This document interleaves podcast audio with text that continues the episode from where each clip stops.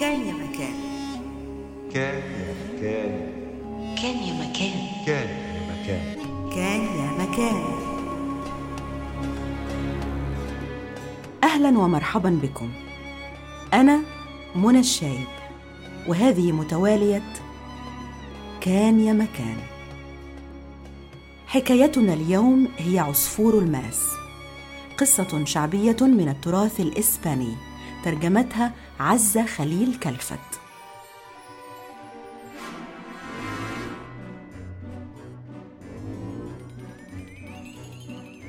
كان يا مكان في قديم الزمان صديقان يعملان في صياغة الفضة وكانا ثريين لكن الحظ عاكس أحدهما وأفلس.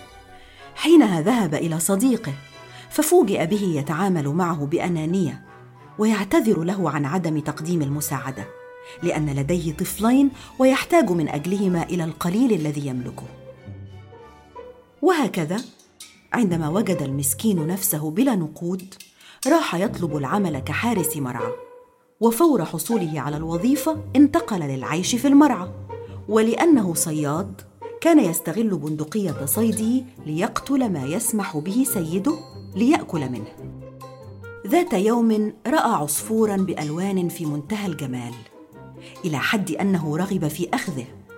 عمر البندقية بمسحوق فقط وأطلق عليه وكان حظه موفقا في الإمساك به دون إيذائه. وضعه في قفص وعندما ذهب في اليوم التالي ليطعمه وجد أن العصفور قد وضع في العش حجرا لامعا جدا ولأنه كان صائغا عرف على الفور أنه ماس. لم يستطع أن يدرك كيف حدث هذا لكنه في اليوم التالي وجد واحدا مماثلا ثم واحدا آخر حتى أدرك أن العصفور هو الذي كان يضعها كل يوم بدلا من البيض. حمل الأحجار الماسية لصديقه القديم الصائغ فاشتراها وأعطاه في كل واحد منها ستة آلاف من الريالات. حينها وجد صاحبنا أن بحوزته نقودا فاستقال من المرعى عائدا إلى القرية ولأن العصفور ظل يعطيه الماس أصبح غنيا. لكن صديقه الصائغ أراد أن يعرف من أين يأتي بهذه الماسات وحين رفض إخباره اتهمه بسرقتها وهدده بإبلاغ العدالة عنه كلص فاضطر أن يحكي له كل ما حدث معه ليثبت براءته.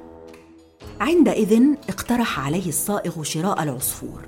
فرفض لكنه خاف من أن يحتال عليه ولأنه كان قد أصبح غنيا قرر أن يعطيه العصفور إذا انتقل ببيته وتجارته إلى مكان آخر. وافق الصائغ الذي كان ينتظر أن يصبح أغنى مع ماسات العصفور فعقد الصفقة ونقل البيت ودكان الصاغة واخذ هو العصفور. جمع أول ماسات وجدها في القفص وبعد بيعها اشترى بيتا ووضع في الحديقة قفصا كبيرا للعصفور. وذات يوم لاحظ الصائغ أنه يرفرف ويرفع جناحيه وحين أمعن النظر رأى علامة على أحد جناحيه. حمل العصفور ليتفحص العلامة فقرأ من يأكل رأسي يصبح ملكا. رفع الجناح الآخر فوجد علامة أخرى تقول من يبتلع قلبي دون مضغ فسيجد كل يوم عندما يستيقظ كيسا مليئا بالذهب تحت الوسادة. كان الصائغ طموحا للغاية فجن من السعادة وقال لنفسه يساوي هذا أكثر من الماسات من الأفضل أن أقتل العصفور وآكل رأسه وقلبه وهكذا سأكون ملكا وأغنى مما يستطيع أحد أن يصير. وبالفعل أخذ العصفور وقتله وأعطاه للطباخة لتقليه وقال لها لابد أن تدركي أنك إذا أحرقته أو نقص منه أي جزء سأسلخك حيه أومأت الطباخة برأسها وذهبت تقلي العصفور. ثم وضعته جانبا إلى أن يحين وقت الغداء. كان عليها أن تخرج من المطبخ حين وصل ابنا الصائغ من الحقل جائعين. وعندما رأيا العصفور المقلي أمسك الأكبر برأسه وأكله بينما أخذ الآخر القلب ليأكله. لكن الخادمة وصلت في ذلك الوقت فابتلعه كله حتى لا تراه وهو يمضغه فتبلغ والده. لم تره الطباخة. وعندما طلب سيدها العصفور حملت الطبق إليه.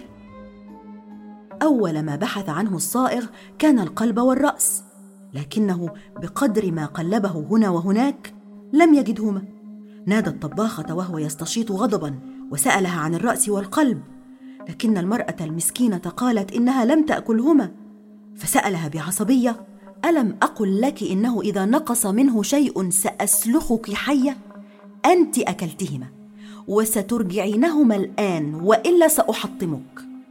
ثم أخذ عصا وبدأ يؤذي المرأة المسكينة التي كان صوت صراخها يصل إلى السماء وهي تقسم أنها لم تأكلهما.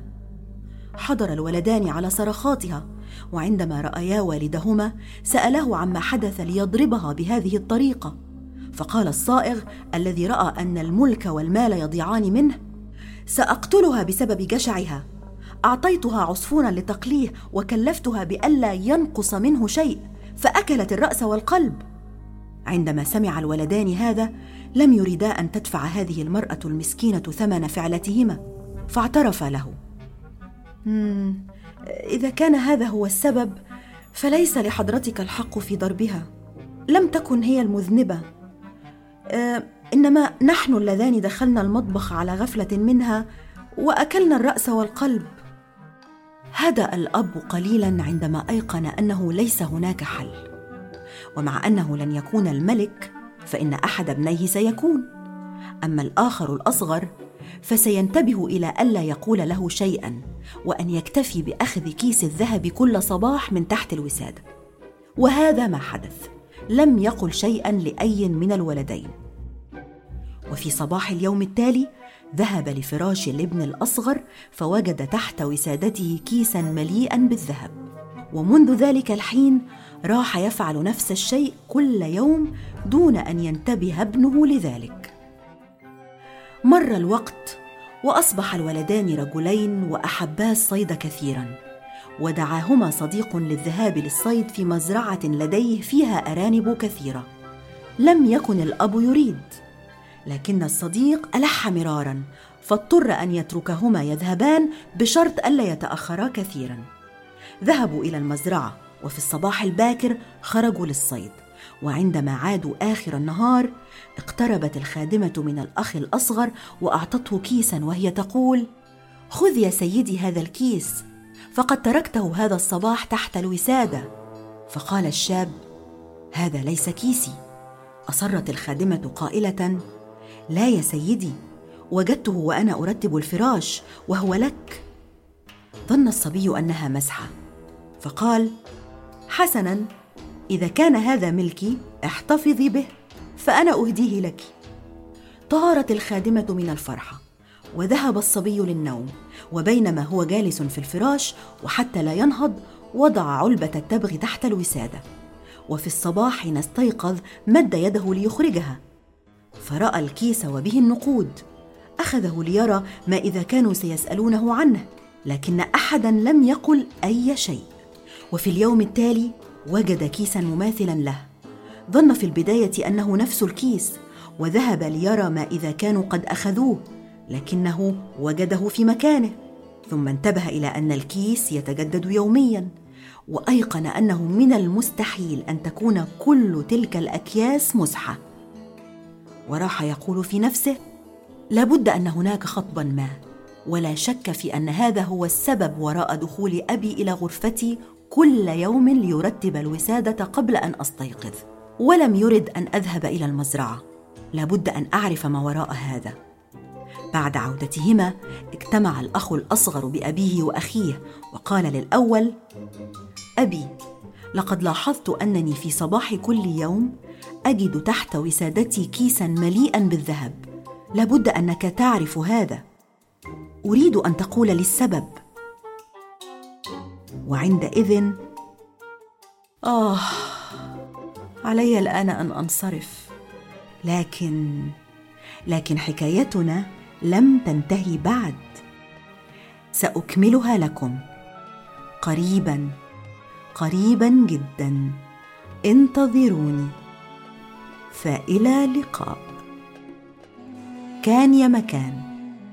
رئيس التحرير عائشة المراغي. الهندسة الصوتية أحمد حسين. المنتج الفني شهرزاد.